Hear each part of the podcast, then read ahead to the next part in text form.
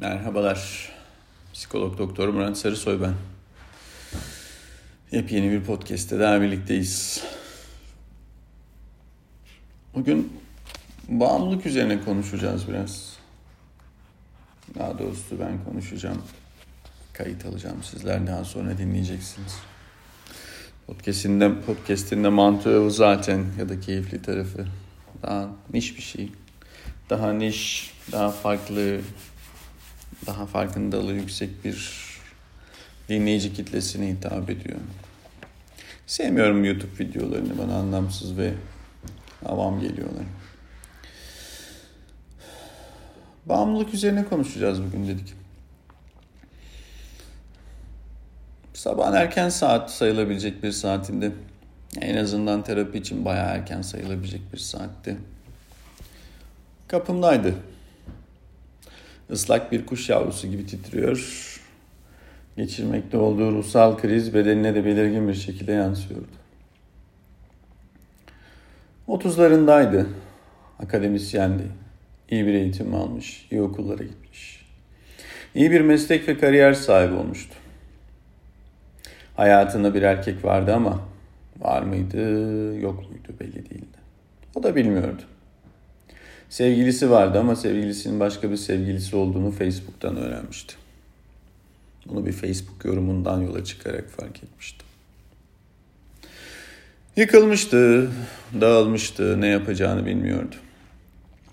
O bunları düşünüp dursun sevgilisi olan adamın sevgilisinin babasının karışık bir tanım görün gibi görünse de değil.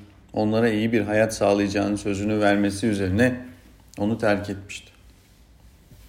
Yani sevgilisi onu tam anlamıyla konfora ve gelecek kaygısına satmıştı. Daha sonra söz konusu kızın babasının fikrini değiştirip kızımdan uzak dur demesi üzerine tekrar gözü yaşlı danışanıma yönelmişti. Sık sık kapısını aşındırıyor, hayatına tekrar girmek adına onu taciz edip duruyordu. Peki benim danışanım ne yapacaktı? Nasıl yapacaktı? Onu kabul edebilecek miydi? Daha önce defalarca terk edilmiş ve defalarca geri dönenleri kabul etmişti. Bu kendisinin de anlamlandıramadığı tavrından kurtulmak istiyor ama bunu bir türlü başaramıyordu. Bunun nedenini de kendi de anlamak istiyor ve her seferinde benzer hataları yapıyor olmasını anlayamıyor ve bir türlü bu durumu sindiremiyordu. Bana soruyordu ve yalvarıyordu. Nedir bu? Bunu bulun, bunu benden çıkartın, beni bundan kurtarın diyordu. Sorun ise belki de sizin bile tahmin edebileceğiniz bir sorundu bağımlı kişilik bozukluğu, bağımlı kişilik ya da bilimsel adıyla bağımlı kişilik bozukluğu yıllardır sıklıkla karşıma çıkan bir sorun. Bu sorunu yaşayan insanlar başkalarına aşırı güvenirler. Sırtlarını onlara dayanma eğilimindedirler. Yakın olduklarını bir şeyleri başaramayacaklarını destek olmadan yaşayamayacaklarını düşünürler.